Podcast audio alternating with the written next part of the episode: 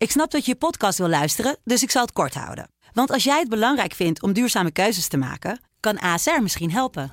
Nou hoor ik je denken, hoe dan? Nou, bijvoorbeeld bij het duurzaam herstellen van schade. Of de premies die we beleggen volgens ons duurzaam beleggingsbeleid. Dat bepaalt waar we wel en juist niet in investeren. Wil je meer weten over welke duurzame keuzes ASR maakt? Ga dan naar asr.nl slash duurzame keuzes. ASR doet het. Zo, dan kan je nu lekker naar je podcast luisteren. Dit is Delta Tango, de internationale veiligheids- en defensiepodcast van de Telegraaf. En we konden ons maar net beheersen om te beginnen met het geluid dat iedereen associeert met het onderwerp van vandaag. De sonarping van een onderzeeboot. Maar onze gast van vandaag, Jamie Karreman, vertelde me net dat dat een grote misvatting is. Een onderzeeboot vindt in totale stilte zijn weg onder de oppervlakte van de wereldzeeën. Onderzeeboten moeten vooral onopgemerkt blijven om veilig hun werk te kunnen doen. Maar afgelopen weken stonden ze volop in de belangstelling. En dat kwam doordat Australië een miljardencontract met de Franse werf Naval verscheurde. Een enorme diplomatieke rel was het gevolg.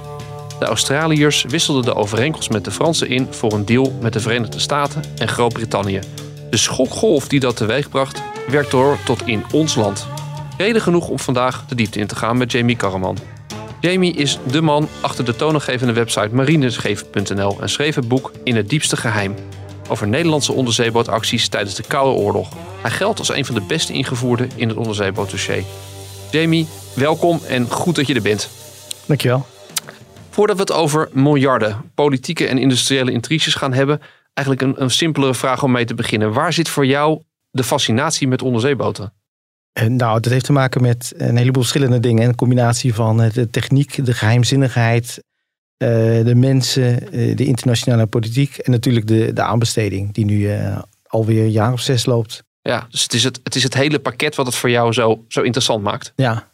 En die, en die aanbesteding even apart. want toen jij dat boek ging schrijven, en, en eh, ik, ik, ik, doe maar alvast aan de schandelijke promotie. Fantastisch boek. Echt eh, voor iedereen die ook maar een beetje geïnteresseerd is in het onderwerp. Een, een dikke aanrader. Moet je lezen, want het geeft een, een uniek inkijkje in een wereld die toch heel afgesloten is. Um, uh, toen was die aanbesteding er nog niet. Hoe, hoe kwam je bij dat boek destijds? Nou, die, um, ik was op dat moment mee aan het varen met een uh, Nederlandse onderzeeboot voor een reportage. Toen ik op het idee kwam om er iets meer mee te gaan doen. En op het moment dat ik met de toenmalige commandant van de onderzeedienst terug zou vliegen vanuit Schotland naar Amsterdam, toen we aan de gate stonden, zakte het vliegtuig door het neuswiel. Vervolgens hebben we zeven uur de tijd gehad om allerlei verhalen uit te wisselen. En toen dacht ik van nou, hier moet ik eigenlijk wel wat ja, mee gaan doen. Ja, ja echt zo'n moment van wauw, een, een, een, een soort cadeautje wat je krijgt. Ja, ja precies. Mooi. Hey, um, uh, voordat we, uh, voordat we uh, echt het dossier induiken. Um, voor de leken, die onderzeeboten, waarvoor hebben we die nou eigenlijk nodig? Um, nou, onderzeeboten worden gebruikt voor verschillende zaken. In vredestijd normaal gesproken voor het verzamelen van inlichtingen. Dus informatie over marines van andere landen of andere informatie van andere landen. En die informatie heb je nodig in een tijd van een conflict. En daarnaast gebruik je die informatie ook om informatie uit te delen met andere landen.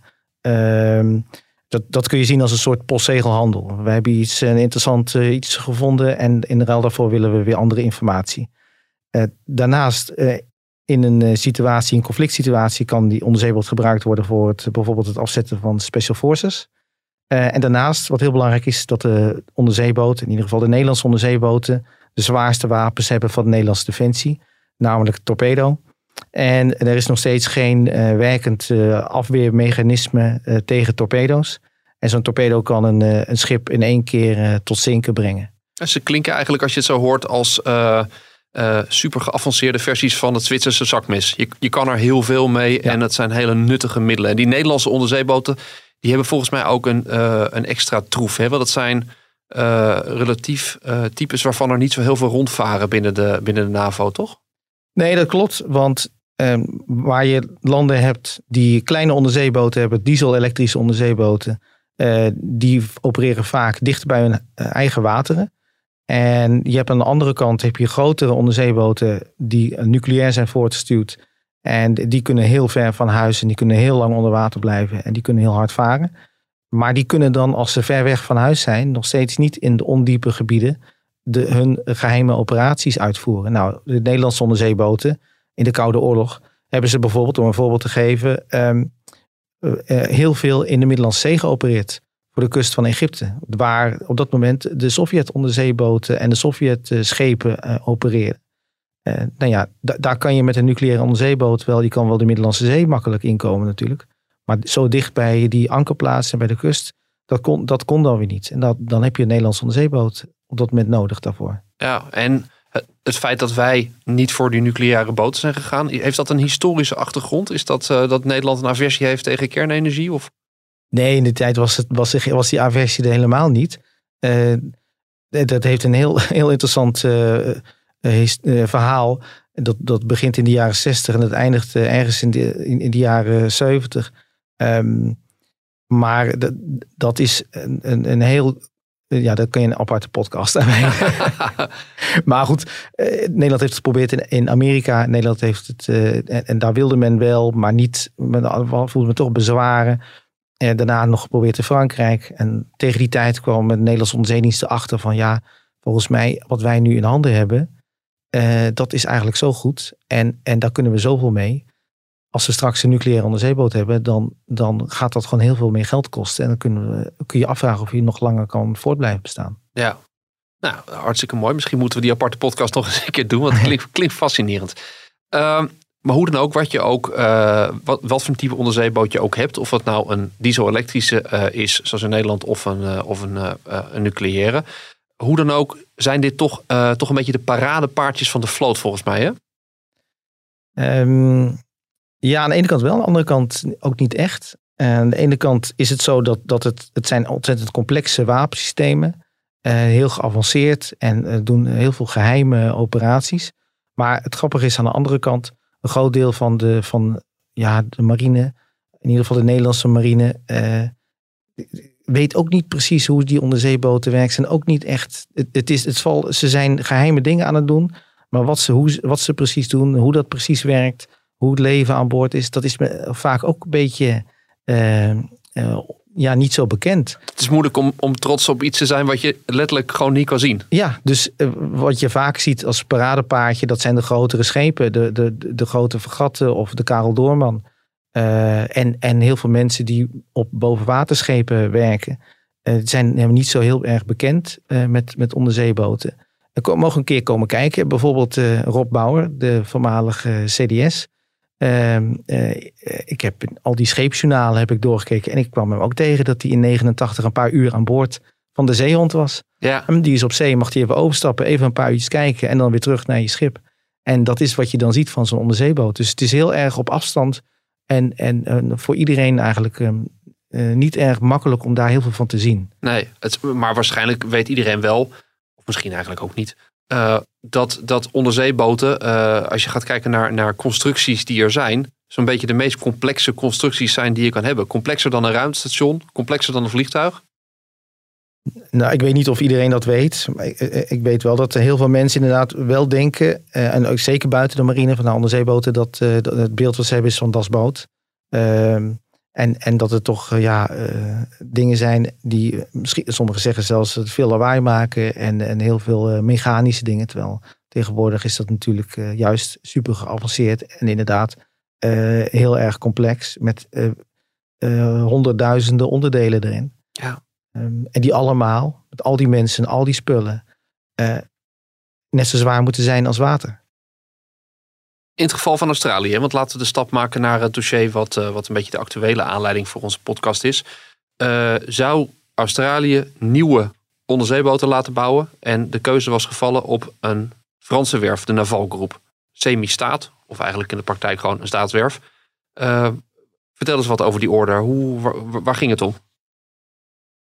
Australië heeft um, in 2016 gekozen voor inderdaad Naval Group uh, en heeft bij hun twaalf boten besteld. Uh, diesel-elektrische boten. En um, dat was, op dat moment zat die deal rond uh, eh, 30 miljard euro. Daarna is dat opgelopen naar rond 55 miljard. die boten zouden in Australië worden gebouwd. Um, en die zouden rond 2030 of iets later zouden die klaar zijn. Ehm, maar goed, dat is dus ineens, ehm, is dat, dat contract ineens verscheurd. Maar je moet ook voorstellen dat er heel veel Australiërs aan mee aan het werk waren. de Naval Group had 250 mensen sowieso in dienst in Australië. In, in Cherbourg, Franse kustplaats, waar die onderzee, de Franse onderzeeboten worden gebouwd. Daar, daar waren, ik ben daar geweest, wanneer was dat? Ik denk 2018. Er waren er al 40 Australische gezinnen overgekomen, die bezig, eh, waarvan een van de ouders uh, bezig was met het ontwerpen van de, de onderzeeboten. Dus dat heeft een enorme impact gehad. Niet alleen voor de Fransen, maar ook voor de Australiërs. Ja, want laten we daar even naar luisteren. Uh, dat besluit om, uh, om die order af te zeggen, wat, uh, wat onlangs viel. dat, dat is echt een, een drama geweest. France is furious with the US because of a surprise snub on a $65 billion diesel submarine contract. Originally, France and Australia had shaken hands on the deal, but just last week, Australia changed course and went with the US and UK on a new contract for nuclear subs. France was so offended by the faux pas Macron pulled the French ambassadors to the U.S. and Australia. France's foreign minister is calling the administration's decision unacceptable behavior between allies and partners. So the language out of Paris right now is the harshest yet over the new security deal Australia struck with the U.S. and Britain. Well, on Saturday, the foreign minister didn't hide his contempt. I'm really angry. Euh, what worries me is the behavior of the Americans. Cette décision This unilateral, brutal, unpredictable decision looks a lot like what Mr. Trump used to do. Een hele boze, hele boze minister. Um, Jamie, waarom is dit zo gelopen? Um, nou, de Australiërs waren al wat langer ontevreden. Althans, dat, dat schreef de Australische pers. Um, Daarnaast, en dat had te maken met dat die, uh, die opdracht, dat, dat die deal eigenlijk steeds duurder werd. Het, die Bijna verdubbeld, hè? Van 30 naar 55 miljoen, zeg, miljard zeg je. Miljard, ja. Het gaat om ontzettend veel geld. Ja. Um, daarnaast, er was moeite met samenwerking. Uh, in het begin, een mooi voorbeeld was in het begin, toen uh, was er een discussie onderling tussen de Fransen en de Australiërs. En op een gegeven moment zei de, de Fransen van ja, oké, okay, dat prima, dat doen wij. Maar dat doen we na de rentree. En uh, toen zeggen die Australiërs, wat bedoel je met rentree? Nou, in, in augustus gaan we op vakantie. En in september komen we terug. Dat heet de rentree.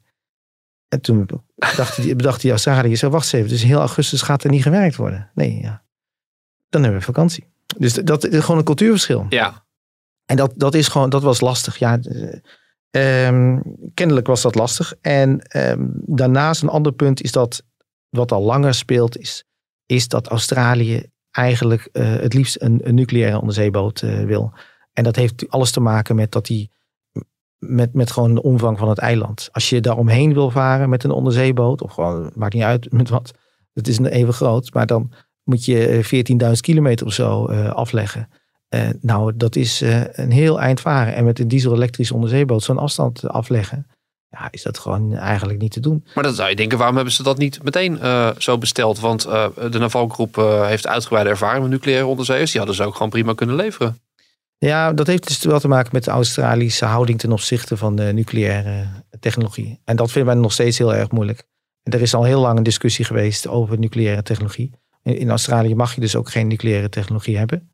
En nu is dus, probeert men, heeft men dus op een andere manier verwoord. Van nou, we, krijgen deze, we gaan deze niet zelf ontwikkelen. We gaan geen zelf, geen kennis over opbouwen. Maar alles halen we uit buitenlandse kopies, kant-en-klaars. Dus we hebben geen nucleaire kennis. Nee, Um, en dat was het, het, dilemma. Plus ze hebben jarenlang is hun, of uh, decennia lang is hun, hun uh, krijgsmacht ook verwaarloosd.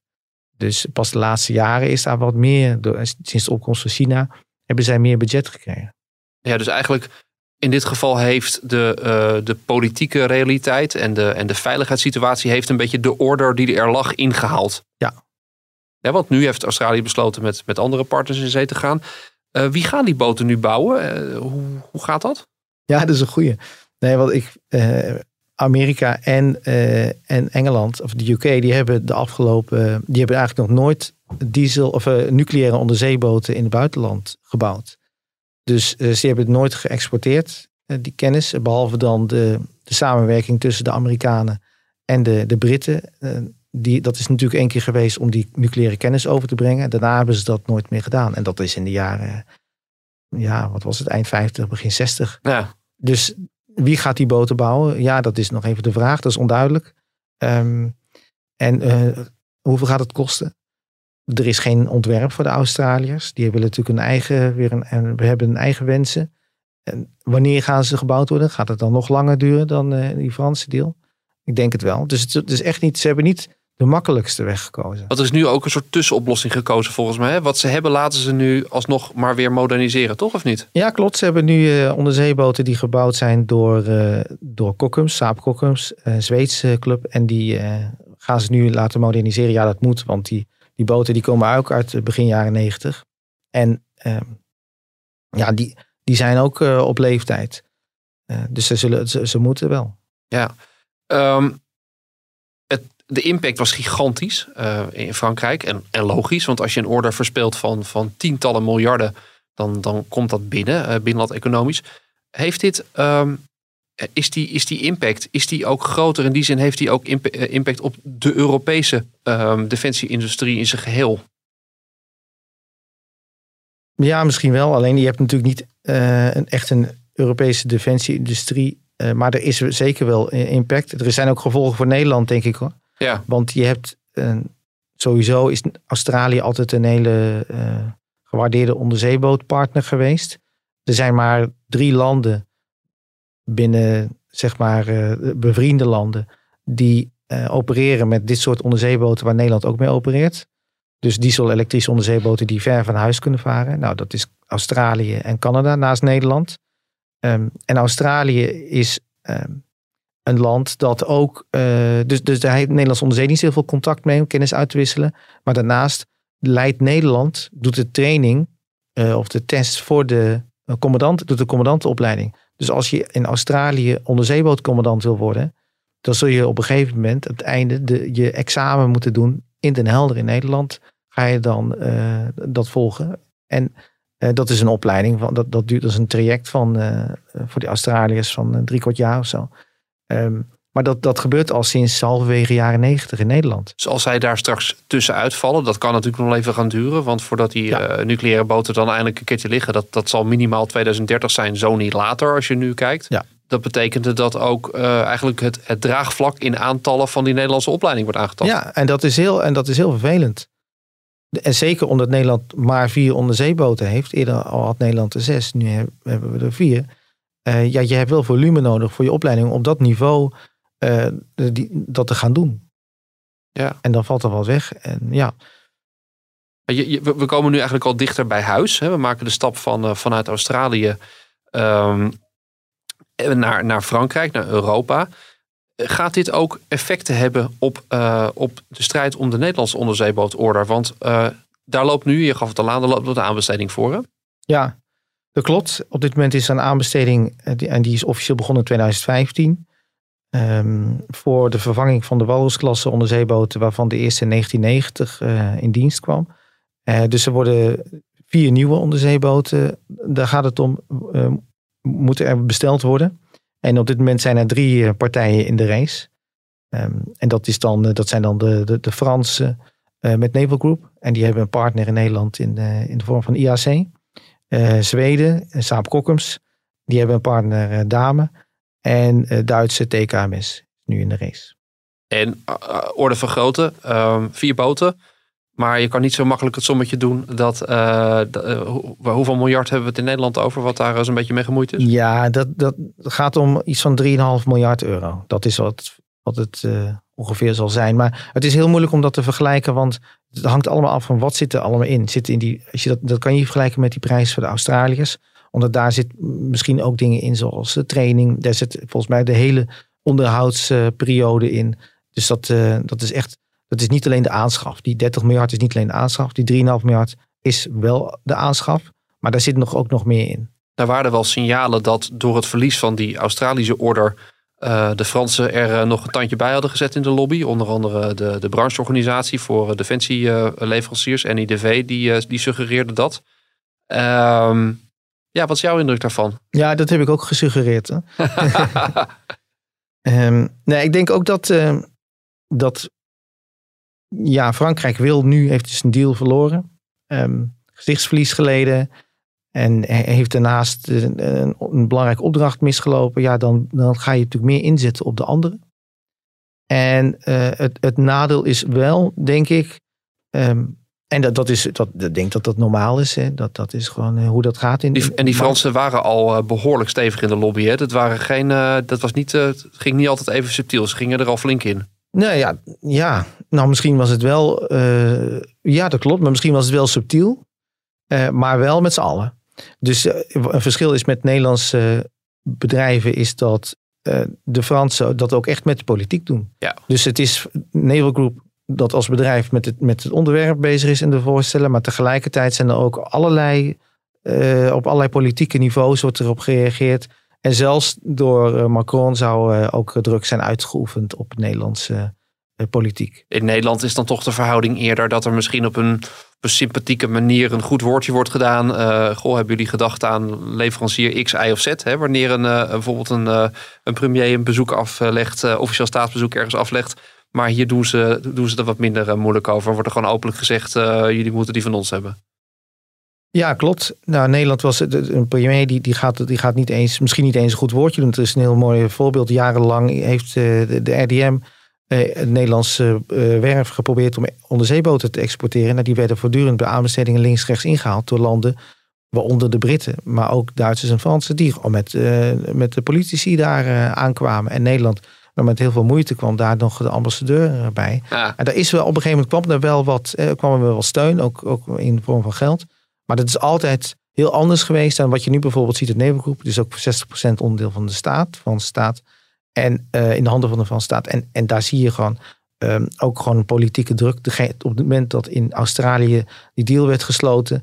Toen was de Franse minister van uh, Defensie uh, gewoon naar Australië gegaan. En zat daar s ochtends in een, een live televisieprogramma een toelichting te geven. Ja. Dan kun je je voorstellen dat de Nederlandse minister van Defensie dat gaat doen. Naar het buitenland daar iets te gaan vertellen. Nee. In, in Frankrijk is het gewoon één, is het één geheel. Ja. En in feite zie je natuurlijk ook in die, in die nautische industrie nu, hè, die defensie-nautische industrie, dat daar ook weer een, een, een machtsstrijd op zich is. Hè, tussen, tussen het, de noordelijke blok, uh, Dame, Duitse werven, en de zuidelijke landen, waar, waar ook een soort gevecht is om, uh, om wie, wie wordt dominant, wie, wie blijft overeind. Ja, ik denk dat je dat wel, dat, kan je, dat zie je zeker. En dat, dat is al langer. Maar nu wordt het, nu wordt het alleen maar meer. En, wat we natuurlijk afgelopen, begin van deze week hebben gezien, is dat eh, Frankrijk de deal eh, in Griekenland heeft gewonnen voor de verkoop van, van vergatten voor 3 miljard euro. En, en wat, wat daar natuurlijk opvalt, is dat het niet dat zij dus een deal hebben gesloten, terwijl zij dus in concurrentie waren met andere werven uit Europa. Dus Dame uit Nederland en het Duitse werf en de Italiaanse werf, plus de Amerikaanse dan. Ehm, en de Fransen hebben de deal gewonnen door niet alleen onderzeeboot, sorry, niet alleen vergatten aan te bieden, maar ook een, militair verdedigingspact aan te bieden.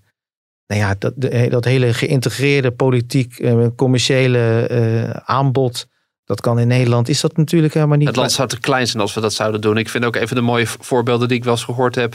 Dat volgens mij ook in het geval van Dame, die, die er in een van de golfstaten heel ver was met een vergatorder.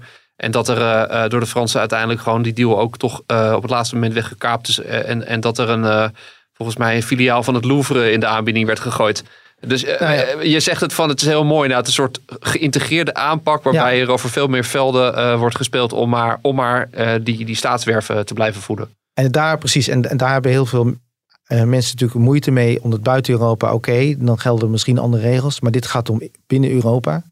En, um, en dit, dit, kijk, aanbestedingen die gaan om militaire zaken, die vallen niet altijd direct onder de regels van de Europese aanbesteding.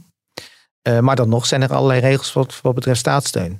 En uh, het valt me op dat er in, in Nederlandse media er verder eigenlijk helemaal niks over wordt gezegd. Er zijn wat kleine berichtjes geweest van die deals gesloten. Maar uh, ja, hier is toch geen. Dit, dit kan je niet zeggen van nou, dit is eerlijke concurrentie natuurlijk. Staat in een heel schril contrast met de filosofie die er wordt geponeerd over een Europese krijgsmacht. Want als je als je met elkaar al uh, uh, niet op die manier industrieel kan samenwerken, waarom zou het dan op militair vlak wel moeten of zo? Dat het, het knarst. Het knarst. Nou, en dat vind ik mooi dat je dat zegt, want uh, het, direct daarna was een persconferentie. En toen werd door de Griekse minister-president werd gezegd van, nou, dit is een mooi voorbeeld van Europese samenwerking en, en, en autonoom Europa. Wel, ja, eigenlijk is dit meer een, een, ja, juist een splijtswam, vind ik. Ja, Even terug naar de, naar de Nederlandse onderzeebootorder. Um, waar zijn we in het proces nu? Uh, op dit moment wordt er gesproken met uh, de drie verschillende werven over uh, wat zij kunnen aanbieden en wat de Nederlandse eisen zijn. En dan is het de bedoeling dat eind van het jaar, begin 2022, dan wordt, moet er een keuze worden gemaakt welke partijen gevraagd wordt naar een offerte. Oké. En dan pas begint echt de echte competitie. En dan is de bedoeling dat eind 2022, dus binnen een jaar, moet dan uh, een contract zijn getekend. Gaat het lukken, denk je? Nee, dat gaat niet lukken. Dat gaat absoluut niet lukken. En, en in 2028 moet de eerste onderzeeboot uh, klaar zijn. Nou, dat gaat ook niet lukken. En waarom gaat het niet lukken? Dat, dat is heel simpel. Een werf, als het gaat om een opdracht voor een paar miljard, ja, daar, daar gaan een paar mensen weer in, in zo'n bedrijf naar willen kijken. Die ja. willen gaan rekenen. En dan ben je gewoon op zijn minst al zes maanden, als, als het geen negen of tien maanden is, ben je ermee bezig. Nou, dus die werven die kunnen, er moet eerst al een keuze kunnen worden gemaakt. Nou, um, er moet een kabinet zijn. Hè, er, moet, er moet van alles moet er nog gebeuren voordat de keuze gemaakt kan worden. Dan, als er een keuze wordt gemaakt van wie mag een offerte uh, aanbieden, dan als, wachten op die offerte. En als die offerte er dan is, moet daar ook weer een keuze gemaakt worden. En dan moet er een contractonderhandeling plaatsvinden. En in Australië en Frankrijk, de contractonderhandeling duurde jaren. Tussen Duitsland en Noorwegen, ook over onderzeeboten, duurde ook jaren. Um, maar dit moet dan in twee maanden. Nou, uh, en dan moet je nog begin 2022 gaan bouwen, in 2028 klaar. In zes jaar een onderzeeboot bouwen, dat is een record. Dus dit wordt, dit, dit, dit is, de ambities zijn hier torenhoog. En, uh, het, maar de, tegelijkertijd gaat het project ontzettend langzaam. En is ook heel kwetsbaar voor uh, politieke beïnvloeding. Van ja, want wat weinig mensen beseffen volgens mij is dat uh, rationeel gezien denk je van nou dit is een verhaal van defensie. Maar er zitten natuurlijk altijd veel meer de departementen in. Je roerde al ja. aan een Franse premier die zich meldt. Dus er zit een link naar buitenlandse zaken. Want buitenlandse zaken waar je iets koopt, dat bepaalt ook een beetje wie je vriendjes zijn, zullen we maar zeggen, in, in het militaire vlak. Uh, en er is ook nog een, een economische zakencomponent. Uh, want dat ministerie wil graag dat er uh, zoveel mogelijk Nederlandse betrokkenheid is. Dus er zit ook nog in potentie bestuurlijk heel veel. is het, wordt er over heel veel assen bewogen. En de potentie geeft dat ook weer heel veel gedoe. Ja, dat, dat klopt. Nou, en dat is jarenlang is dat ook gezegd van nou, dat moet er spelen op de achtergrond. Maar wat zien we nou? Uh, is er, je hebt gewoon de projectorganisatie met alle uh, ingenieurs en, en, en, en allerlei andere mensen die gaan over contracten. Maar daarbovenop zijn nu vijf lagen van commissies en, en groepen en, en uh, weet ik wat allemaal erbovenop gezet. Die dus echt niet alleen maar in de wandelgangen aan het fluisteren zijn, maar echt gewoon een rol hebben in het besluitvormingsproces. En wie helemaal bovenaan staat als voorzitter van de ministeriële commissie, dat is de minister-president. Dus je moet je voorstellen dat uiteindelijk Mark Rutte gaat besluiten over welke onderzeeboot uh, we moeten hebben. Dus het meest technisch complexe apparaat wat we in Nederland hebben. Daar moet de minister-president een besluit over gaan nemen. Dus die hele, de hele technologische, de filosofie erachter, die moet dan door uh, commissies waar allerlei ambtelijke lagen in zitten. Er zit de secretaris-generaal zit erin. En er zit niemand in die verstand heeft van onderzeeboten. Dat klinkt vooral vrij wonderlijk wonderlijk en verontrustend. Want uh, uh, die technische informatie schijnt dus ook moeilijk naar boven te gaan in die, in die laag. Uh, waar men dan vooral over heeft is wat zijn de kosten, wat zijn de risico's. Terwijl de kosten en de risico's alleen maar groter worden naarmate je meer bestuurlijke lagen erin hebt. En, en, en het project verder vertraagt. En er minder tijd is voor technici, om, om, voor die ingenieurs om te gaan rekenen. Want er moet echt onderzee, onderzeeboot moet, ontworpen worden. Het gaat niet om een wet. Het gaat om een apparaat wat straks moet werken tot, uh, nou laten we zeggen, 2060. Eh, ja, want uh, ook het, het tijdspad is natuurlijk ook beïnvloed door het feit dat onze huidige walrus-onderzeeboten, die hebben wel levensverlengend onderhoud, hè, midlife updates, zullen we zeggen, gehad. Maar dat is natuurlijk ook eindig. Die zijn een keertje op. Ja, nou, officieel tot 2025. Um, ehm, dus die moeten nu langer, toch langer gaan varen. En uh, die druk die is heel hoog, dat klopt. En je wil niet dat er straks een, een, een moment komt dat zegt, ja, die onderzeeboot kunnen we niet meer mee varen. We moeten even alles stopzetten en daarna alles weer gaan opstarten. Dat wil je natuurlijk niet. En je wil al helemaal niet dat er straks uh, dat er, dat er problemen zijn met veiligheid. Omdat je Omdat die boten te lang moesten doorvaren. We hebben een paar vreselijke ongelukken gezien uh, de afgelopen jaren. Dat, dat is natuurlijk het, het nachtmerriescenario waar je aan denkt. Ja. Uh, wat is een reëler tijdspad, denk je? Wat, wat zou haalbaarder zijn als je naar de, naar de kalender kijkt? Nou, gemiddeld uh, wordt er over zo'n boot na contractondertekening zitten en, en, en uiteindelijk de oplevering zitten dan acht tot tien jaar. Oké. Dus um, ja, ik denk ergens halverwege jaren 30. Begin, begin ja. jaren 30. Ja. Maar dat, dan heb je het echt over vier, vijf jaar vertraging of later dan wat er nu gehoopt wordt. Ja, maar het is helemaal niet nodig. Deze vertraging heeft echt een politieke oorzaak. Puur politiek. Maar weet je, straks, wat er straks gaat gebeuren is zeg van ja, zie je wel, onderzeeboten toch vertraagd. Maar dat ligt niet aan, dat ligt in dit geval niet aan uh, defensie wat mij betreft. Het ligt aan het politieke proces wat daarvoor zit. Want ja. ik, ik begreep dat onder minister Hennis er zelfs eigenlijk al een soort uh, onderhandse deal was om uh, met de Duitsers aan, aan de gang te gaan. Ja, klopt. En daarna zijn er allerlei andere zaken gebeurd. En heeft DMO heeft ook... De Defensie- en Materieelorganisatie. De Defensie- en. Materieelorganisatie, die hier dus over gaat, heeft ook op een gegeven moment een, een, wel aangegeven wat hun voorkeur was. En ik denk dat er sowieso wel binnen de marine een, een, een bepaalde voorkeur is of was. Um, maar, de, maar dit is helemaal uit handen van de. Wat waren die voorkeuren dan, denk je? Uh, ik heb het vermoeden dat de, dat de voorkeur in ieder geval bij de marine en bij de DMO weet ik inmiddels niet meer, want ze zijn nu weer in een hele andere fase beland. Uh, maar uh, ik weet dat, dat er bijvoorbeeld een hele sterke voorkeur was voor een bepaalde sonar, die alleen maar, inmiddels alleen maar Dame en Saap aanbieden. En ik heb ook het vermoeden, dat, dat is een aantal keer ook in de media geweest, dat de marine ook een voorkeur had van Dame en Saab.